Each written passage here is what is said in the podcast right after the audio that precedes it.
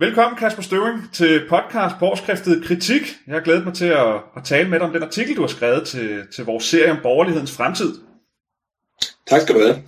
Du, øh, du, den handler jo om, øh, om det emne, som du, øh, som du tit har snakket om, kan man sige, om, om indvandringspolitik øh, og, og borgerlighedens nederlag, øh, også inden for det emne simpelthen. Øh, og du lægger, du lægger i din artikel ud med at skrive, at, øh, at du var i Budapest i mm.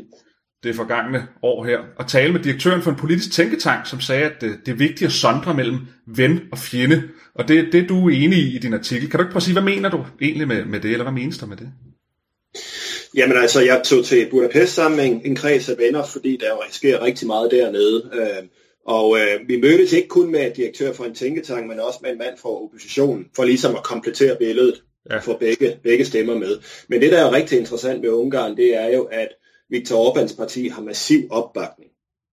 Øh, og det er jo et, et parti, som man kan mene meget om, men som konservative mener jo nok, at man bør kunne anerkende visse dele af, af, af, af Orbáns eller Fidesz regeringspolitik, og her taler jeg om, om forsvar for national suverænitet, øh, en skepsis over for visse dele af EU. Fidesz er jo ikke et EU-modstanderparti, men, men et EU-skeptisk parti, og så er jo selvfølgelig hele diskussionen om, om grænsekontrol og øh, vægten på at, at bevare en, en kristen homogen øh, kernekultur. Og det sker altså med forbløffende stor opbakning, så det var jo interessant at se, hvad, hvad er det så? Hvad kan forklare den, den opbakning, hvis man ser på det som et, ud fra sådan rent politiske mm. øh, strategier, politiske motiver. Og der sagde direktøren der, som jo altså var pro regerings, øh, øh, øh, en direktør for en tænketank, der, der støtter af Orbán-regeringen, der sagde han det, at man skal fastholde vennefjendepolitikken, det vil sige, at du må aldrig overlade den vigtigste dagsorden, eller de vigtigste dagsordner til dine politiske modstandere. Du skal altid sørge for, at der er en klar sondring mellem dem og os. Øh, og, øh, og den, den øh, lærerstrejl, den lektie, den har jeg jo så brugt til at prøve at forklare, hvad der gik galt med, med den, borgerlige, øh, den borgerlige fløj, hvorfor man mistede regeringsmagten. Øh, og det var tydeligt for mig at se, at, at man øh, viskede ven-fjende øh, sondring ud og, og fraterniserede med venstrefløjen. Tydeligt jo selvfølgelig med, med Venstre, der jo direkte foreslog, eller i hvert fald Lars Lykke, det var måske ikke altid Venstre, men Lars Løkke, han foreslog jo en eller anden form for øh, samarbejde med Socialdemokratiet, øh, men det samme kunne man jo også se med Dansk Folkeparti, øh, som det gik rigtig slemt for i modsætning til Venstre, der jo gik frem, så gik Dansk Folkeparti rigtig meget tilbage, fordi de, som jeg ser det, altså også var med til at legitimere Socialdemokratiets politik på måske det mest afgørende område overhovedet, udlændingepolitikken, i hvert fald det mest afgørende område fra Dansk Folkeparti. Dansk Folkeparti prøvet at positionere sig selv som sådan et, øh, et jeg kalder et velfærdssocialistisk parti, snarere end et nationalkonservativt parti. Ja. Og det var jo en kæmpe brøler for borgerlig, den borgerlige fløj, især Venstre, øh, og måske i særdeleshed for Dansk øh, Folkeparti. For så var der pludselig ikke nogen forskel på det her afgørende område mellem den borgerlige fløj og øh, den daværende opposition, altså på venstrefløjen. Ja, og man kan sige, at man kan jo enormt godt lide når, når, når dem, der øh, er vores politiske fjende, så at sige, begynder at, at, at, at, at lade som om, at de er en del af os, så elsker man næsten dem mere, end man elsker sin egen. Ikke? Ligesom at man bliver enormt begejstret for Liberal Alliance. Når de pludselig ja. begynder at sige konservative ting, så er det jo lige før, man elsker dem mere end, end, end, ja. end selve konservative mennesker selv. Ikke? Og det er måske ja. lidt det samme, der skete i det her, eller, eller hvad tænker du? Jamen altså det er jo klart, altså den, øh, den logik er der jo, og det vil jo også være, være fint, hvis man kunne sige, at, at for eksempel den stramme udlændingepolitik blev delt, også af venstrefløjen.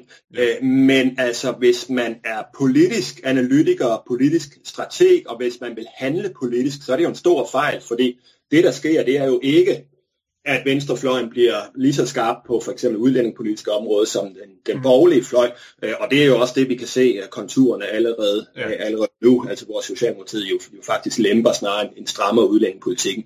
Ja. Øh, og skaden er jo sket, altså man har afhændet regeringsmagten, og, nu må ikke bare partierne, men også den danske befolkning jo, jo bøde for det. Ja.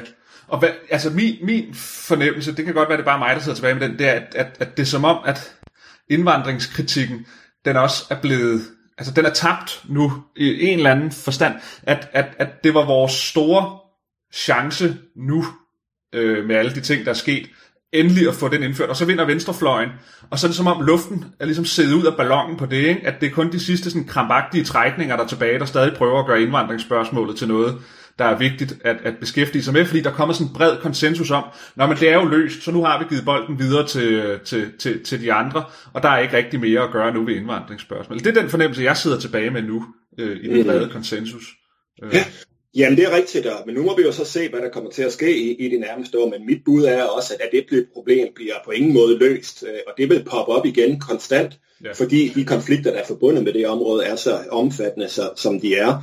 Øh, og med mindre, at venstrefløjen træder i karakter, Socialdemokratiet træder i karakter og, og får gjort noget ved det her, så, så, øh, så vil der jo ske en, en kæmpe forskydning øh, næste gang, er, er mit bud hen mod, hen mod en, en borgerlig fløj, hvis vel at mærke, man kan formulere en, en skarp politik her. Det er jo ikke sikkert, at man, man kan det. Nej, nej. Øh, du, I forhold til, til, til det, du lige sagde tidligere med, at, at uh, Venstre især ikke, øh, flytter med, med, med, med venstrefløjen, og Lars Løkke især rækker hånden ud til, til Socialdemokratiet. Og det gør han jo, fordi han vil ikke have at gøre med dem, han mener er for ekstreme. Altså han vil ikke have at gøre med nye borgerlige stram kurs osv. Og, og i dit indlæg, der siger du jo, at det er enormt vigtigt, at man kanaliserer ekstreme lidenskaber ind i demokratiet, i stedet for at holde det uden for demokratiet. Det synes jeg er en meget interessant sondring, du laver der. Kan, kan du prøve at uddybe lidt? Hvor, hvorfor er det, man skal det, eller hvad mener du med det simpelthen? Jamen først og fremmest, øh, altså, vi, vi fik jo en, en meget, meget interessant valg, fordi stram kurs øh, pludselig dukkede op. Godt nok havde vi haft nye borgerlige, men, men stram kurs var dog, øh, hvad skal man sige, en, en tand mere øh, yderliggående, en tand mere højreorienteret, og, og, og for rigtig mange mennesker, både vælgere og meningsdannere og politikere, jo altså ikke værdigt til at blive repræsenteret i det demokratiske system. Og det er jo en kæmpe fejltagelse, fordi at du har jo at gøre med et, et lovligt parti, et demokratisk parti, mm. øh, som... Øh, som øh, jo altså har opbakning fra en betragtelig del af den øh, danske befolkning. Nu kom partiet ikke ind, men det var tæt på, det er jo vist kun 6.000 stemmer, de manglede ja. for at komme ind. Ja. Det er altså rimelig mange mennesker. Øh, så de mennesker, de skal selvfølgelig, deres stemme skal, man, skal høres, og de, deres øh, stemme skal være, dem skal man sørge for, at det er legitimt, sådan at de har ret til at blive repræsenteret i det parlamentariske system. Lige så vel som hvis der var kommet et, et yderliggående venstrefløjsparti, så vil det være lige så legitimt for dem, for borgerne at stemme på sådan et parti, og det er lige, lige så legitimt for det parti at gøre sig gældende i en parlamentarisk situation. Så kan man så vælge at, at, at basere sin stemmer på dem, eller lade være med det. Men det er bare meget, meget vigtigt, at man har netop de her kanaliseringsmuligheder for en, skal vi sige, utilfredshed i befolkningen. Fordi hvis de ikke bliver kanaliseret ind i det demokratiske system, så ved vi jo godt, så forsvinder de jo ikke, så bliver de, så summer, sumrer de, eller simrer de så at sige udenom, og kan risikere at, at vende tilbage med, med en forstærket kraft som en, som en udenomsparlamentarisk eller antiparlamentarisk øh, strømning.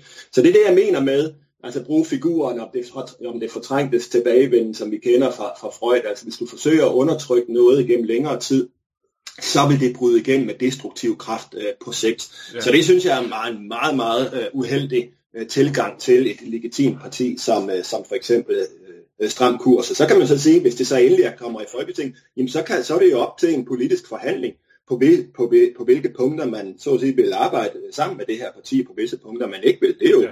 det er jo legitimt, det er jo en fin måde at lave politik på, men det der med, med en blok øh, at holde sådan et parti ud, det er, det, det er skadeligt, det er destabiliserende for demokratiet, og det er selvfølgelig også med til at udvikle politikerlede øh, blandt øh, befolkningen. Her har man en, endnu en gang de her politikere, som mener, at bestemte holdninger ikke er stuerene. Ja, ja, ja. Jamen, det tror jeg, du var meget ret i. Og man kan sige, at demokratiet har jo i en vis forstand, jeg kan ikke huske, du skrev engang et eller andet på Facebook, du kan ikke huske præcis, du skrev, demokratiet tæmmer i en vis forstand øh, altså ekstreme øh, øh, holdninger og lidenskaber ved at blive kanaliseret ind i demokratiet. Altså der er sådan en tæmningsmekanisme i en vis forstand i, i demokratiet, ja. ikke? Jo, altså demokratiet er jo, er et fantastisk øh, ja, netop øh, tæmningsredskab, når vi har at gøre med, med, med de, her, de her frustrationer og den her vrede. Øh, og det er jo derfor, det er vigtigt, at man ikke bare kan lukke sådan nogle strømninger ind i demokratiet, men det er også vigtigt, at igen, så har vi også den her ven-fjende-sondring, at man kan sætte forskel på partierne, at det ikke bare bliver en eller anden grød masse, en eller anden form for hvad skal man sige, politisk korrekt og konformt centrum, hvor alt øh, ligesom øh, bliver afgjort med henvisning til øh, konventioner, man skal følge, eller, eller der ikke sker den her afpolitisering, hvor det er eksperter, det er som regel juridiske eksperter, som er, som er anonyme og ansigtsløse, der ligesom bestemmer, hvad det skal være, hvad, hvad der skal være den rette politik, men det faktisk er politikere, som gennem beslutning øh, får, øh, får kanaliseret de her, øh, de her strømninger ind, og, og ligesom man kan se, at det er folkevalgte politikere, der, der bestemmer, og ikke øh, navnløse øh, kræfter. Det er det, det, der er jo lidt af risikoen, hvis du ikke har den her konflikt- og, og konfrontationsdynamik øh, i det politiske system, hvor det hele bare bliver den her den her, det her politisk korrekte centrum, ja. hvor man skal, skal dreje sig. Ja. Så i din, øh, i din artikel, der skriver du også, at, øh, at, at der, der, er, der er også en konflikt mellem de konservative og liberale, fordi det handler om borgerlighedens fremtid, kan man sige. Og mm. Amlitsbøl og Christina Elund og Søren Pind osv., de var ude og sige, at de borgerlige tabte valget, fordi der var kommet for meget nationalkonservatisme, der havde inficeret øh, de liberale partier. Ikke? Man havde fået islamitis, som Søren Pind han kaldte det. Man blev syg i hjernen simpelthen af, af islam, fordi man gik så meget op i det. Øh, og så tabte man simpelthen øh, valget for det. Men den analyse, den deler du jo ikke helt. Nej, det gør jeg ikke. Øh, og, øh, og jeg synes, det er en besønderlig forklaring, for eksempel Liberal Alliance, øh, at øh, de, har, de skulle have mistet vælgere øh, på den baggrund. Øh, det, det kan jeg ikke se, og, og jeg synes, det er forkert af, af Søren Pind at, at sige det, fordi det, der rent faktisk var, var kendskærning, det var, at, at, øh, at den borgerlige regering jo ikke følte en tilstrækkelig stærk og stram udlændingepolitik, og de ja. tiltag til at føre en, en stram ud, udlændingepolitik, man lavede, altså det såkaldte paradigmeskift, øh, det kom alt, alt for sent. Mm. Øh, så, så det synes jeg er den rette øh, forklaring på det, øh, og, øh, og det er jo øh, altså basalt set bakket op af, af de meningsmålinger, vi har om udlændingepolitikken, at det er et emne, som bliver ved med at vende tilbage med meget stærk kraft, og der er rigtig mange borgere, der, der synes, at det, det tema er, er ekstremt vigtigt, og sådan vil det blive ved med at være i fremtiden. Altså hvis vi ser på, hvor dårlige vi overalt i Vesten har været til at, at integrere især muslimer. Øh, Parallelsamfundet bliver bare større og større. Kombineret med de demografiske forskydninger, hvor vi også kan se, at den befolkningsandel også bliver større og større. De to ting øh, lagt sammen, altså at vi ikke har fundet den sorte boks, hvor vi kan løse problemerne, og de bliver flere og flere, det, det, er, det giver jo et entydigt facit, nemlig at det område, det også i fremtiden vil komme til at spille en, en kæmpe rolle. Ja, og dem, der taber, det er de højreorienterede politikere, der ikke forstår vigtigheden af det simpelthen. Altså, det, de, de vil blive irrelevante over tid, tror jeg i hvert fald. Fordi til sidst så vil problemerne blive så store, at dem, der, der ikke har en løsning eller, eller en, en måde at, at håndtere det på, dem vil man simpelthen se som irrelevante politikere simpelthen. Altså, det, det... Det, tror, det tror jeg, du har ret i. Øh, og det man kan, det man kan så igen kan frygte, det er jo selvfølgelig, at, at der dukker nogle strømninger op, som, øh, som man ikke bryder sig om, øh, og, øh, og så står man der, og, øh, og hvad gør man så i, i sådan en situation? Ikke? Jo. Øh, eller at vi får et, øh, et samfund, nær det noget, der, lignede, der kunne ligne det, det svenske, hvor det, det hele sejler, eller det franske, som, altså et samfund, der reelt er i, i permanent undtagelsestilstand på grund af truslen fra islamismen, og, og nu begynder øh, højre radikalismen også at dukke op, og det ser man jo blandt andet i, i Tyskland, altså bevæbnede højrefløjsgrupperinger og politiske mor i øvrigt også, øh, har man set i, i Tyskland. Ikke? Og det er jo, det er jo redselscenariet, øh, selvom, selvom nogle af os øh, nogle gange får skudt i skoen, at, at vi ønsker en, en, øh, en borgerkrig, der ligesom kan, kan, kan brænde alt det ophobede konfliktstof ud af verden, så, så er det dog øh, på ingen måde noget, vi ønsker netop, fordi vi er konservative, og vi ønsker gradvis udvikling, og vi ønsker samfundsstabilitet, men vi jo altså også ved, at det, der betyder mest for mennesker, det er i bund og grund sikkerhedsspørgsmål. Ja, ja.